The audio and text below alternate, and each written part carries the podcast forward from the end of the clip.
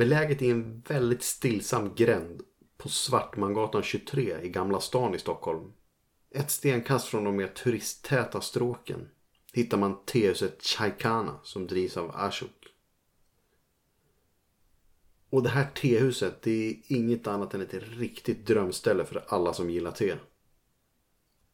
Längre än så här kan man inte komma från billiga tepåsar som smaksatts med artificiella tillsatser. Och Ashok förklarar vänligt skillnaden på det här och de kvalitetsteer han säljer. På Chakana finns en mängd olika tesorter. Allt från hantverksmässig Earl Grey till Darjeeling-teer som kan kosta upp till 400 kronor hektot. Här finns något för alla tesmaker.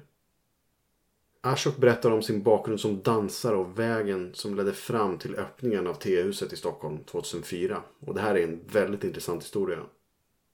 Vi djupdyker sedan i teets värld och vi får lära oss massa intressanta saker som till exempel vad vitt te är för någonting. Vi träffade Ashok i själva tehuset. Vi satt bland borden när vi gjorde intervjun. Så i bakgrunden hörs ett jämnt sål från gäster som sitter och sippar på sina kvalitetsteer.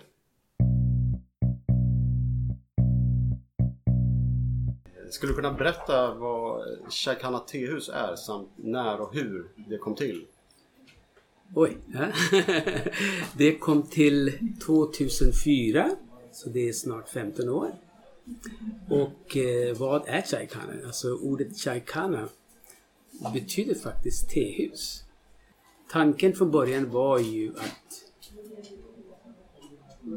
ta hit en tekultur som absolut inte fanns.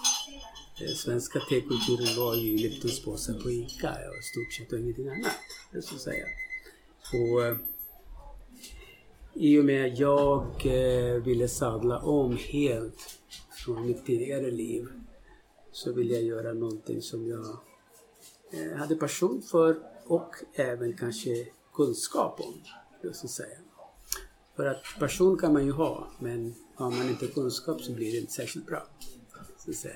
så, så det är väl en blandning av båda två saker. Om du skulle berätta lite om verksamheten, hur den ser ut, eh, vad ni gör mm. och var det ligger? Den ligger i Gamla stan på Svartmangatan 23. Alltså precis mittemot Tyska kyrkan. Okay? Så där vi sitter nu så kan du se att vi ser i Tyska kyrkans trädgård. Ute. Och, eh, val av lokal var ju också väldigt medveten att vi vill inte ligga vid Stureplan eller någon annanstans även om det hade varit bättre för business. Eh, för att vi ville ju då ta hit en modern version av en ett gammalt tehus eh, eh, utan att det blir alldeles för flott. Eh, eh, utan det skulle vara tillgängligt för vanliga människor. Eh, och det andra var ju att eh, lokalen ska ligga där det är tyst. Det säga, ett tehus är ju ett ställe som ska vara meditativt. Dit ensam person kan komma och sätta sig eller man kan komma in i sällskap. Så de gamla tehusen var ju ett ställe där man kunde gå dit själv eller man gick dit med sitt sällskap, vänner. Och en del av det är att, någon slags återhämtning? Det kan man säga. Den här, den här, det här tehuset som vi har är ju då i och för sig ingenting originell idag. Liknande tehus finns i stora städer. Eh, vår, vår inspirationskälla har ju varit Mariage Frère i Paris eh, som har då funnits i över 150 år. Eh, och många tehus öppnades ju på mitten av 1800-talet, slutet av 1800-talet i stora städer. Eh, de var ju, man kan säga, eh, mötesplatser för folk som inte vill gå och dricka alkohol. Vår placering gör att det kanske inte är så lättillgängligt. Eh, även om vi fick ju väldigt mycket press, väldigt mycket eh, Alltså 2004 var väl sociala medier inte igång. Nej, så att, nej, nej. Det var ju väldigt mycket tidningar från mun till mun metod som eh, spred sig. Mm. Så att eh, vi har ju vuxit i en ganska så eh, långsam och jämn takt. Eh, eh så att... Eh, och här kan man då man kan köpa te? Man kan köpa te i vår butik. vi har beroende på årstider. Eh, vissa teer tar slut och vissa teer kommer. Eh, så har vi legat på en sortiment på 150 till 200 olika teer. Men vi jobbar mest med rena teer. Eh, smaksatta teer har vi några stycken men det är mest som kundservice. Ja. För att vi inte ska uppfattas att vi är alldeles för purister. Eh, utan vi försöker då blanda gamla traditioner med dagens villkor. Som, som ni har eh, Earl Grey? Det har man. Ja, men då har vi en bra ölgrej som inte är, är parfymerad syntetisk utan Nej, om vi kommer in på det direkt. Jag tänkte att vi skulle komma in på teer lite mer sen. Men Mm.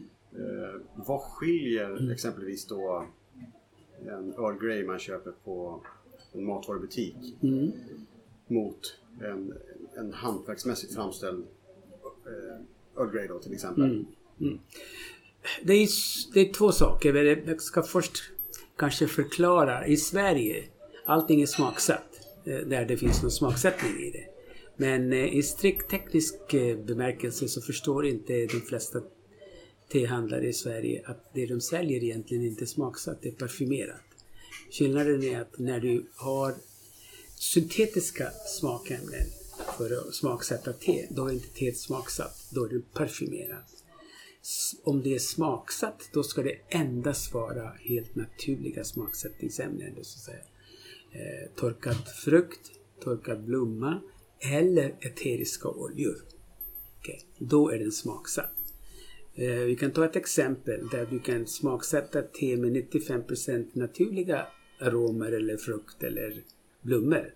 Men så tillsätter du 2% syntetiska smaksättningar. Teet är parfymerat. Okay. Smaksatta teer får inte ha några eh, syntetiska ämnen i det. Och hos oss förekommer det inga parfymerade teer. Vi jobbar enbart med naturliga råvaror, naturliga ämnen. Så om vi går tillbaka till eh, Ölgre Eh, först och främst är det kvalitet av grundte som ska smaksättas. De flesta teer som säljs i affärer, de kommer ju oftast från kanske ett tiotal olika storleverantörer. De flesta sitter i, eh, i Tyskland. Eh, och med det betyder det att de flesta tehandlare har liknande te. Och det andra är att de är nästan alltid smaksatta eller parfymerade med syntetisk bergamott. För eh, naturlig bergamott är väldigt dyr. Och framförallt om du ska eh, framställa ekologisk Earl Grey så är den ännu svårare för det är svårt att få tag på ekologisk eh, naturlig bergamott. Så att säga. Ska du göra en bra eh, b- eh, Earl Grey då ska det vara grundteet av någorlunda bra kvalitet. Helst ekologisk. Och sen ska då bergamott vara riktig eterisk olja som också är helst ekologisk. Förstår. Förutom att köpa te så Mm. kan man även eh, gå på teprovningar om du skulle bara vilja Det berätta lite om stämmer. det. Ja. Vi har ju en tesalong då. Det är den andra grenen. Och tanken där är ju också att eh, eh, i och med att vi har så stort sortiment av te som folk inte är bekanta med eh, och en del kan ju kosta mycket mer än vad det kostar på ICA. Så behöver man inte köpa grisen i säcken utan man kan ta en kanna av det teet och prova. Eh, och vi ser ju också terummet som ett laboratorium där, där, där vi kan testa våra idéer, våra teer och se hur folk eh, reagerar. Så vi ger ju möjlighet till, till folk för att kunna prova teer. Och den tredje delen är ju då kunskapsdelen där vi har både internt och externt. Just det, för du föreläser och undervisar en del om Precis, jag föreläser ju till exempel på restaurangakademin till blivande dryckesansvarig. Eh, så att de har någorlunda grundläggande kunskap i, i te. Och sen har vi våra egna teprovningar här. Vi har ju då allmänna teprovningar som man kan anmäla sig till. De går två till tre gånger per månad. Utom på sommaren då, när folk är på semester. Eh, och sen har vi även många grupper som kommer. Eh, det kan vara från möhippa till en arbetsplats eller en förening. Eller, eller så har vi te fantaster Men då kan de ju till och med välja en viss inriktning på vad det ska vara för teprovning. Ja. Eh, från det allmänna till att man vill kanske bara prova svarta teer från Kina eller Indien eller eh, man vill prova gröna teer från fem olika länder och så vidare. Så vi kan skräddarsy dem också utifrån då kunskap. Jag jobbar lite grann också med Östasiatiska museet i och med att eh, teet är ju en stor del av eh, kultur i Asien. Så där har vi gjort några föreläsningar och även teprovningar. Ja.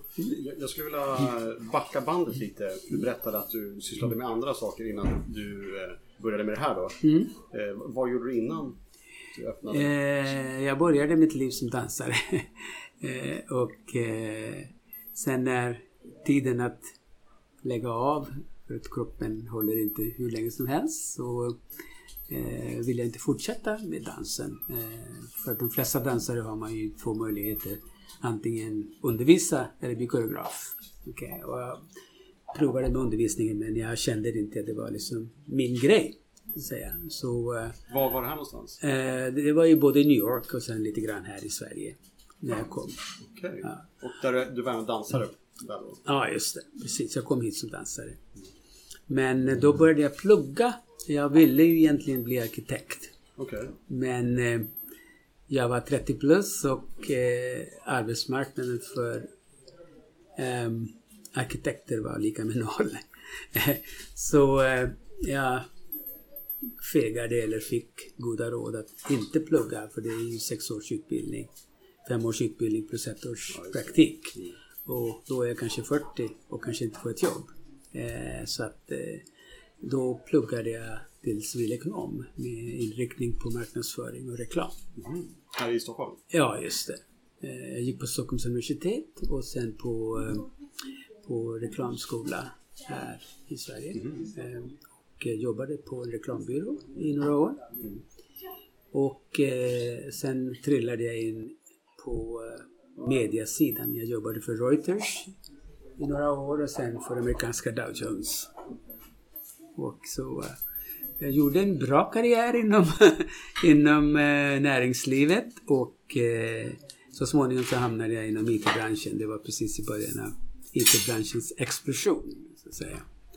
Och efter några år så kände jag att det var inte min grej. Jag, vill, eh, jag skaffade mig det jag behövde i materiella i livet och, och kände nu kan jag ta vara på vad jag själv vill göra. Så att då, det hände, det blev bara så att eh, mitt jobb blev förflyttat till Bryssel. Och jag ville inte flytta till Bryssel. Och då... eh, Var det ett bra läge att, att göra något annat? Ja, precis. Och då tog jag liksom ett år ledigt bara. Jag har ju haft den här idén ända sedan jag var 25 år. Ja, berätta. När uppstod eh, teintresset? Eller, Alltså, jag, det har ju alltid funnits där, men kanske inte till den graden så att det blev som en livsstil och hobby. Men jag reste ju väldigt mycket. Väldigt mycket i Asien framförallt. Mycket i Japan som alltid varit liksom eh, ett land som jag har alltid velat åka till. Så med tiden som hobby så utan att man är medveten om så ackumulerar man ju väldigt mycket kunskap och eh, jag kan man säga mitt största intresse var ju mycket eh, av den japanska tekulturen. Så att säga. Och sen eh, var jag väldigt ofta i Paris och bodde där en kort tid också. Och då var jag väldigt mycket på Mariage, det gamla, gamla tehuset. Jag bodde i närheten. Jobbade du som dansare då? Ja, just det. Precis. Så att eh, då var det lite grann så här, åh det här är jättekul, Ja. det här är fantastiskt, det här borde man göra någon gång. Men det är bara en sån där, man är upptagen med sitt liv och sådär. Men den har liksom legat någonstans i bakhuvudet. Och då eh, tänkte jag, "Ja, det har jag väl göra, göra hela tiden. Om jag inte gör det nu så kommer jag aldrig göra. Jag är 50 nu. Så. Så sen när huvudkontoret flyttades då, då kände du nu var det ett bra Ja, läge? nu var, det, nu var det bra läge. Jag hade också flyttat till en ny lägenhet. Jag hade inte lust att liksom Flyttat till ett annat land? flyttat till ett annat land. Och jag hade precis flyttat in två månader innan i min nya lägenhet som jag hade renoverat i ett halvår. Det liksom blev för mycket och jag bara kände, nej nu. Jag kan alltid gå tillbaka till ett jobb. Jag har en sån CV. Funkar det inte så kan Hur många koppar te dricker du om dagen på ungefär? Oj, det varierar. Från en till 20. Det är dagsform. ja, runt 10. Ja. Ja. Va, va, jag förstår att du har många olika favoritteer men va, har du några varierar det med årstider också misstänker jag? Man kan säga att alla varierar med årstiden. årstiden. Ju varmare klimatet är desto mindre svart te det blir för min del. Eh, då går jag mer över till vita och gröna te. Men ju mörkare årstiden kommer desto smakrikare te vill jag dricka. Det är lite som eh, dricka, rött, dricka mer rött vin på vintern och mer på, på, vitt vin på sommar. Så säga, va? Ja precis. Ja. Så, så det växlar då? Det växlar. Ja, det ja. växlar. Det, det gör det. Absolut. Ja, för man vill inte dricka en eh, Amarone när det är 25 grader varmt ute. Eh, Jag håller med Då dig. vill man ha något svalt. Ja, just det. Om vi, om vi kommer in på, på teet och för eh, de flesta svenskar, om man får vara lite fördomsfull, kanske inte har riktigt koll på. Man skulle kunna ta en snabb intro för nybörjaren. Eh, var odlas te och vad är de huvudsakliga testilarna? Mm. Vi kan väl prata om, alltså när det är te, så har vi två olika typer av produktion. Bulkproduktion och kvalitetsproduktion. Sen kan ju ett land producera både och.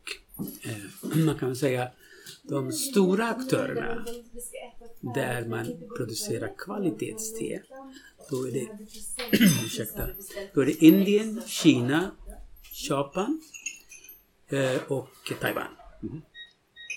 Det kom, börjar komma upp lite nya uppstickare. Eh, Vietnam eh, är ett land. Eh, därför att eh, det satsas mycket mera pengar från utlandet, från Taiwan, från Japan. För i Japan och Taiwan har man inte så mycket mark att odla längre. Då flyttar man till andra länder. Så länder som Vietnam och norra Thailand är kommande länder. Okej. Och de får ju väldigt bra experthjälp av länder där man kan och har kunskap om te och en gammal tekultur. Så. Men sen har du ju bulkländer där man inte har förutsättningar klimatmässigt att kunna odla högkvalitativa teer eller inte har kunskap heller. För att mycket av teodling kanske ägs av utländska aktörer. Så att om vi tar länder som, många länder i Afrika, eh, Östafrika, Tanzania, Uganda, Kenya, Rwanda. Eh, Många av teplantager ägs utav stora märken som säljer mycket tepåsar. Och de har ju inte intresse för att odla kvalitetste. De vill alltså en så billig produkt som möjligt. Så, bi- så billigt som möjligt. Så de är inte ens intresserade av att stanna i varje land. Utan om de upptäcker att hos grannen kan jag få odla billigare så flyttar de. Så, så det, och där ligger ju kanske lejonparten av teproduktionen idag. För det är ju de här stora multinationella företagen som äger den där. Eh, kvalitetsteerna, man kan säga mycket av det stannar i de länder där de produceras. För att det är där det finns tekultur. Okej. Det är de som uppskattar. Eh, japansk kvalitetste är väldigt svårt att få tag på. För det är inte tillräckligt mycket tillgång till det. Så japanerna vill behålla det så mycket som själv. Så att säga. Eh, mycket av eh, högklassig indisk te går på export. För indierna själva har inte kunskap om kvalitetste. För de har lärt sig att dricka lågkvalitativt te historiskt sett. Eh, så Så, ser eh, världen ut. Det är tyvärr inte så mycket mitt emellan. Än så länge. Om man kommer in på mm, mängder av olika testilar då. Men om, man, tar- om du skulle vilja berätta om de huvudsakliga. Ja. Man kan säga så här, källan till alla teer är ju detsamma. Det är samma tebuske. Det är ju eh, själva tillverkningsprocessen som gör att om det är grönt eller svart eller oolong. Så vad man kan säga är huvudsakligen teerna är då vitt te, grönt te, oolong te och oolong-te kan vara av två olika typer och svart te. Kan man förenklat säga att oolong-te ligger mittemellan grönt och svart Ja, te? om vi säger så här att om man oxiderar grönt te så blir det svart te. Men om man vill ha oolong-te då oxiderar man bladen delvis. Om man har oxiderat det väldigt lätt, då kallas det för oolong-te av kinesisk stil. Om man har o, eh, då oxiderat eh, mycket längre, men inte hela vägen, då kallas det mer för Formosa-stil, eller taiwanesisk stil. Så de kallas för semioxiderade teer. Okej. Ja. Om, man, om man kommer in på vitt te då, som är väldigt intressant, som många, väldigt många inte känner till. Mm. Vad, vad är vitt te? Man kan säga så här, vitt te är ju någonting som har blivit tillgängligt för oss under de sista 20, 25, 30 år kanske. Men eh, innan dess, man kan säga innan Kina blev kommunistiskt så var ju det vita teet kejserligt te. Så den var inte tillgänglig för eh, några förutom till hovet. Det det finaste då? Det finaste. Eh, frå- utifrån vad kineserna tycker är fint. Mm. Okej, Är man inte van vid de smaker och dofter så tycker man kanske att det smakar ju ingenting. Ju För den är väldigt subtil och mild. Va? väldigt nätt eh, doft och smak då. Den är väldigt subtil. Man måste ha lite känsla för eh, doft och smak. Okej. Eh, den kan upplevas fantastisk den kan, många kan tycka det smakar bara varmt vatten. Ja, smakar bara vatten. Ja, Jag vet inte, är du vinintresserad? misstänker ja absolut. Det, det där upplever man ibland med vin att eh, jätte liksom, nätta, fina, eh, dyra viner Mm. som är lätta i stilen då. Mm, Att någon som provar det för första gången tycker det smakar vatten. just det. Ja. Eh, ja. Eller man kan också säga varför kostar det så mycket? Det är väl ingenting märkvärdigt. Nej, det smakar inte ens. Det- Där skulle man inte kanske kunna skilja mellan ett bordsvin och ett finslottsvin. Eh, Och det är bara för att man har ju inte kommit i kontakt med de dofter och smaker. Eh, Eller man kanske inte haft möjlighet att kanske utveckla sina smaklökar. Bara för att man inte kommit i kontakt med det. Det här är ju så intressant. Man, men man går ju alltid nästan från, man börjar med det som är lättillgängligt. Ja, Med kraftiga, smakrika saker. Och Precis. sen vill man ha lite Ja. mer komplext. Och, Ja. Och det är lite grann, jag menar, jag kan ju ta ett annat exempel. Eh, Kaffe. Eh, Jag kommer ihåg när jag kom till Sverige. De här baljorna som stod framme eh, på värmeplattor. Det var ju råttgift. Det är liksom inte dricka. stått länge också. Ja, men nu kan man ju se hur allmänheten har ändrat sin smak. Alltså det typ av kaffe finns ju inte tillgänglig någonstans. Idag kan vi så mycket. Så eh, där har ju hänt väldigt mycket. Det sant, ja. Vinsmakerna har utvecklats väldigt mycket i Sverige ända sedan jag kom hit. Så att säga. Och det är bara för att vi har haft möjlighet så att säga, för att komma i kontakt med det. Men sen är det väl så, alla har inte sinne för doft och smak. Nej, eller intresse. Eller Intresse. Det, det finns ju människor som har en väldigt känslig näsa och väldigt känsliga smaklökar och det kan man inte göra någonting åt. Man kan naturligtvis utveckla dem. Men en del har det för givet. De, de är medfödda med det. Och sen naturligtvis intresset. Utan det finns ju ingenting. Så, så det är lite så det är. Men har man liksom druckit eh, de här berömda tepåsarna hela sitt liv och kommer i kontakt med det vita teet för första gången så kommer man säkert uppleva att det här smakar bara varmt vatten. Så att säga. Eh, och det ser man ju också många gånger när folk kommer till exempel till Kina. Och så tycker de deras te smakar absolut ingenting. Bara för att kineserna har så välutvecklad, generellt sett, eh, sinne för doft och smak i teet. Så de dricker ju väldigt, väldigt, enligt vår mening, svaga te. Mm, ja, Så ja, att säga. De är på en annan nivå. De är på en annan nivå för de tycker det finns jättemycket smak och doft. Så, att säga. så eh, vita te är ju också teer som alltså inte alls är behandlade på något sätt. Eller de bara plockas och torkas. Men det är också en annan typ av planta som inte finns överallt utan det finns bara i Fujian provins i Kina. Det var där teerna växte. Så att säga. Och vita teer är bara tillgängliga på våren en kort tid. Så att säga.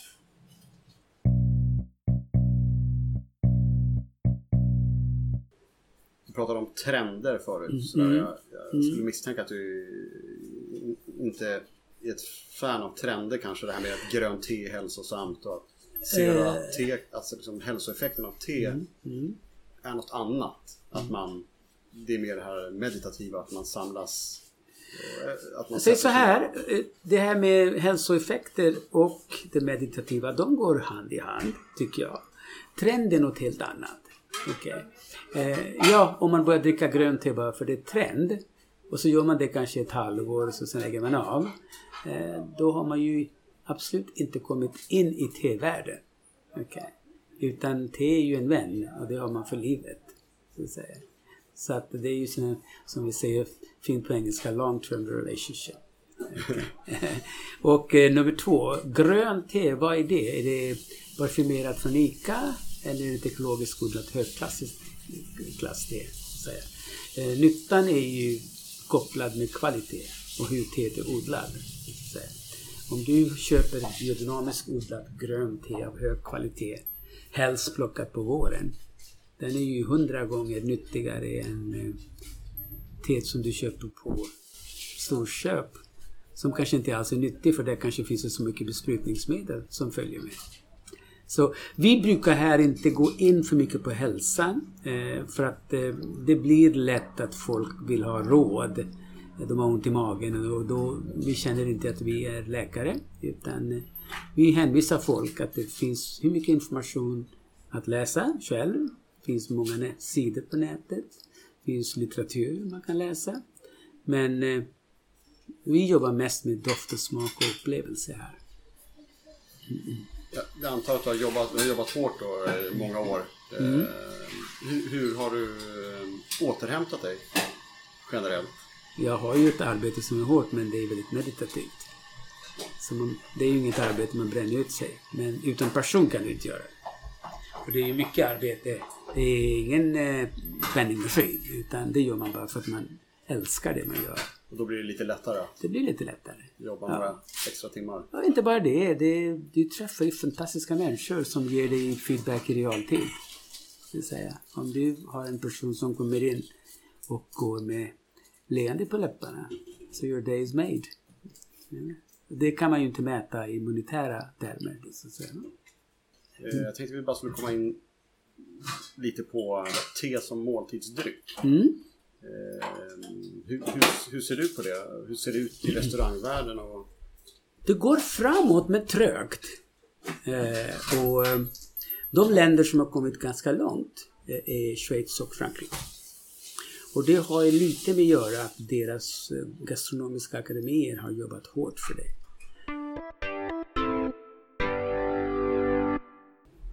Du någon personlig favoritkombination med te och mat?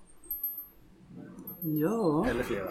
Jag har ju flera, men man kan säga så här. Eh, jag tycker ju japanska gröna teet av bra kvalitet fungerar väldigt bra med, med fisk, skaldjur, lättare grönsaksrätter.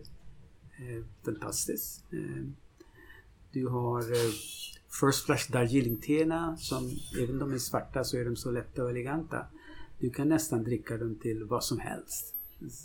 Eh, du har eh, fantastiskt goda lagrade puerter som fungerar fantastiskt bra istället för kaffe med eh, sötsaker. Så det finns en hel register eh, som funkar. Det är bara fantasin som kan användas. Eh, jag har kunder som gör eh, eh alkoholfria drinkar med olika teer. Så det finns hur mycket som helst. Ja. Ja. Nu börjar det komma lite kokböcker har jag sett. Framförallt i Frankrike.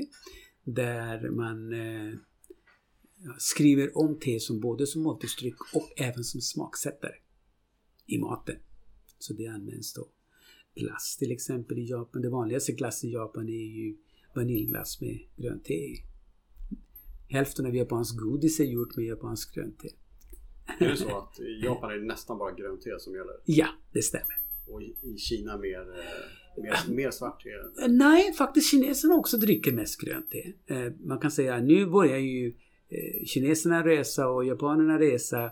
Vi märker ju när Japan, japanska turister kommer hit eller våra gäster, de vill gärna dricka svarta te eller smaksatta te efterfrågar de. För det är exotiskt för dem. Det så att säga. Och det är samma sak, kineserna börjar dricka mer och mer, mer svart te än vad de gjorde tidigare. För att svart te Förr i tiden tillverkade man ju primärt för att exportera till västvärlden. Men man kan säga i asiatiska, sydöst, sydöstasiatiska länder, det är grönt te som är primärt. hur ser era öppettider ut? Vi har öppet från tisdag till fredag klockan 11 till 19. Lördag, söndag och helgdagar från 12 till 18. Så måndagar har vi stängt. Kan man följa er på eh, Facebook? Vi finns på? Facebook och på vår hemsida förstås. Vi är inte så aktiva på sociala medier. Ja, det är bra. Det är, bra. det är samklang. Eh, vi, vi, vi har ett ben där och ett, och ett ben i gamla världen. Vi, vi tror fortfarande att bästa marknadsföring är våra kunders upplevelse. Stort tack för eh, att jag fick komma förbi. Tack själv.